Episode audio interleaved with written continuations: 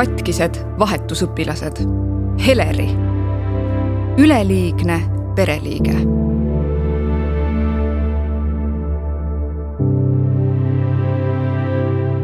Heleri põgenes igapäevaelu eest aastaks Norrasse. ta lootis luua tähendusrikkaid ja kestvaid suhteid. Läks aga teisiti. teda ei pandud tähelegi.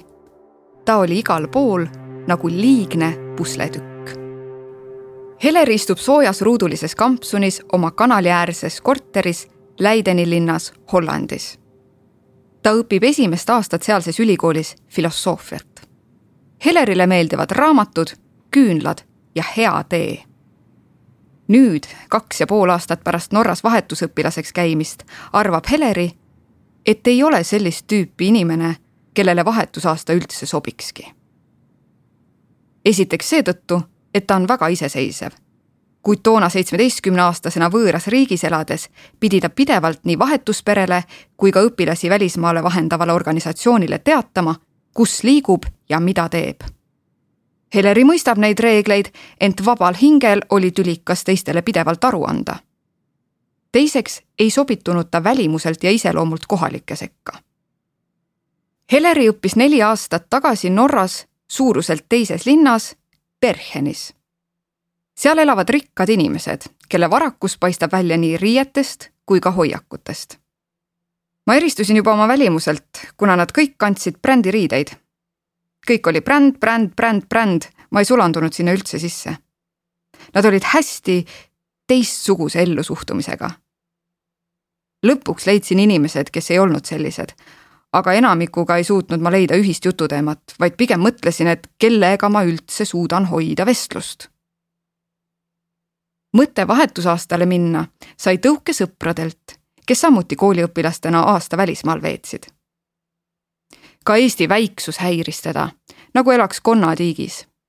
inimesed ümberringi olid samad, keskkond oli sama, ühiskondlik norm näeb ette, et esmalt tuleb lõpetada põhikool ja gümnaasium, siis suunduda kohe ülikooli õppima, siis teha karjääri ja luua perekond. Heleri tahtis aga midagi muud. ta ihkas uut keskkonda ja uusi tutvusi valik langes Norra peale looduse pärast. ta soovis rohkem loodust näha ja loodusega kooskõlas elada. nii ka läks. Samuti tahtis Heleri selgeks õppida norra keele. ka see soov täitus. ta lootis leida perekonna ja sõbrad, kellega aasta jooksul niivõrd kokku kasvada, et pärast vahetusaastatki edasi suhelda ja külas käia üksiklapsena tahtis ta väga endale sama vana vahetusõde või venda. nii aga ei läinud. ülearune perelisa. Norra perekonda kuulusid isa, ema ning viie, kaheksa ja kümneaastane laps.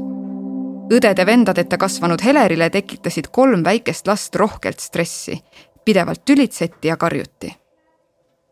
tundsin, et seal majas on umbes kolm inimest liiga palju kuuekesi elades jäi maja neile liiga kitsaks ja Heleri tundis end üleliigsena. sellele viitas ka vahetusisa, kes tegi mitmel korral nalja, nagu nad poleks tahtnud üldsegi vahetusõpilast võtta. tagantjärele mõeldes arvab Heleri, et nii võiski olla. tema lend Norrasse lükkus augusti lõppu, kuna talle leiti vahetuspere alles viimasel hetkel ka sealne programm polnud kuigi arenenud, mistõttu nappis võõrale noorele uksi avavaid kodusid Heleri kasutab jutustades palju sõna üleliigne. Ta ei mõista, miks tuli võtta kolmelapselisse perre veel üks liige, kui vanematel nappis aega isegi oma lastega tegelemiseks. isa oli elektrik ning ema intensiivravi osakonnas medõde, nii et ta tööpäevad kestsid kuni kaksteist tundi ja ta oli valves ka öösiti. suure koormuse tõttu vahetas ta poole aasta pealt töökohta vanematel polnud aega ega energiat, et lisaks kolmele lapsele ka Heleri eest hoolitseda. Nad lihtsalt võtsid endale liiga palju kohustusi perekonnana, nendib Heleri. kõige eredamalt on tal meeles kord, kui ta end tõeliselt üleliigsena tundis. novembris käis ta nädalaks Saksamaal ja vahetuspere pidi talle Norrasse tagasi jõudes lennujaama vastu tulema. kui Heleri maandus ja väravatest läbi tuli, võttis teda vastu ei keegi. pere unustas talle järele tulla. Nurga tagant ei ilmunud ühtegi tuttavat nägu, kes oleks Heleri peale sooja kallistust taas koju viinud. keelebarjäär pärssis suhtlust. kooliski polnud parem. ka seal tundis Heleri end ebavajalikuna. Norra koolisüsteem erineb Eesti omast selle poolest, et üks klass ei ole kõikides tundides koos, vaid õpilastel on erinevad tunniplaanid vastavalt isiklikele soovidele ja tasemetele.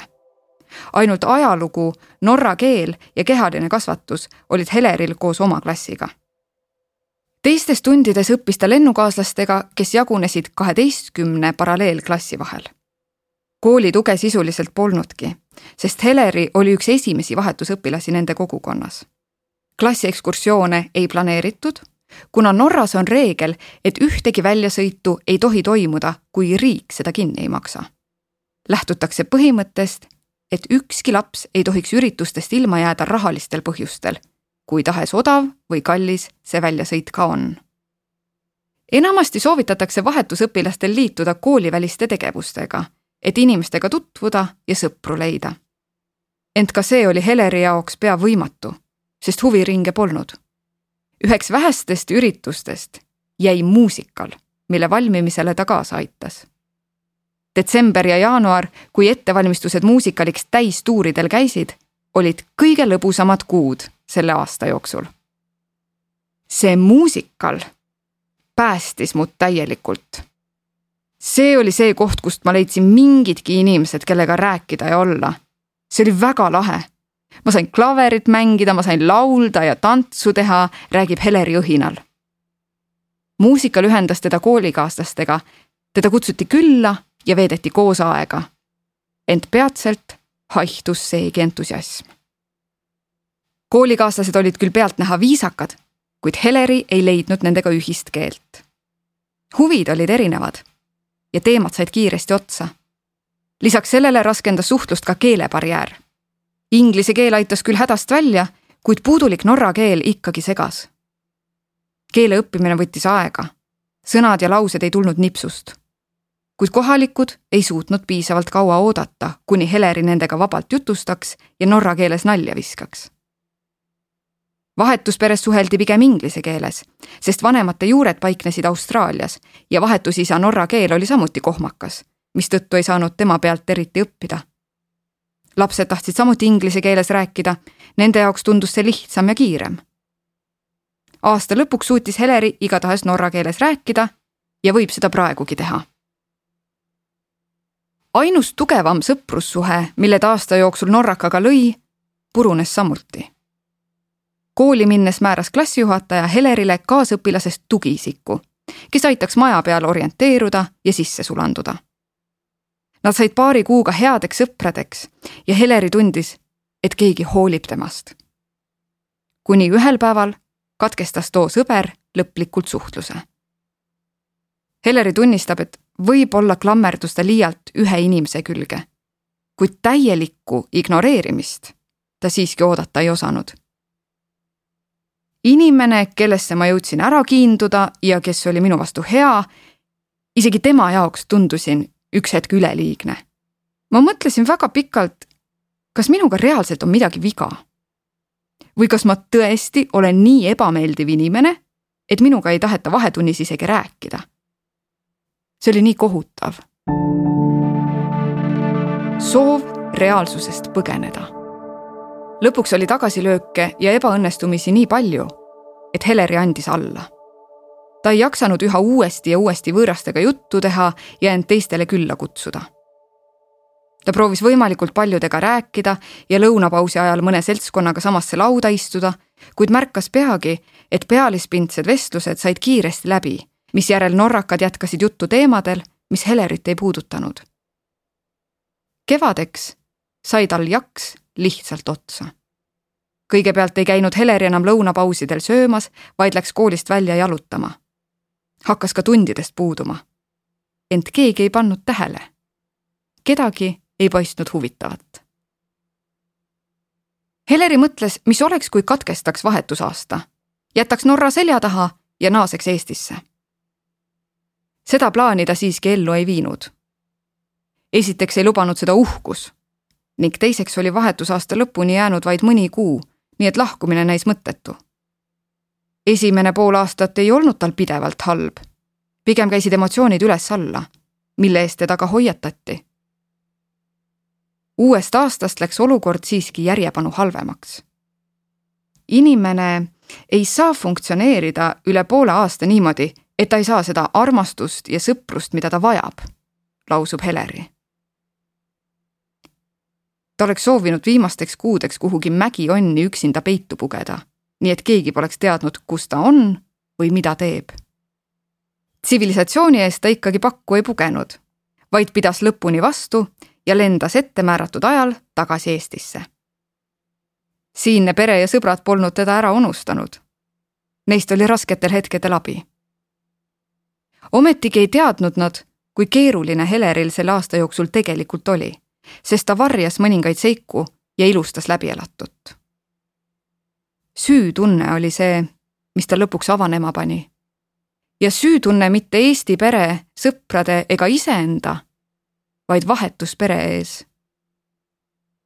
süütunne nende inimeste ees, kellega ta ei klappinud ja kelle tõttu halvasti läks pärast vahetusaastat tahtis Norra pere temaga igal nädalal videokõnes rääkida ja kui paar nädalat vahele jäi, paistsid nad pisut solvunud.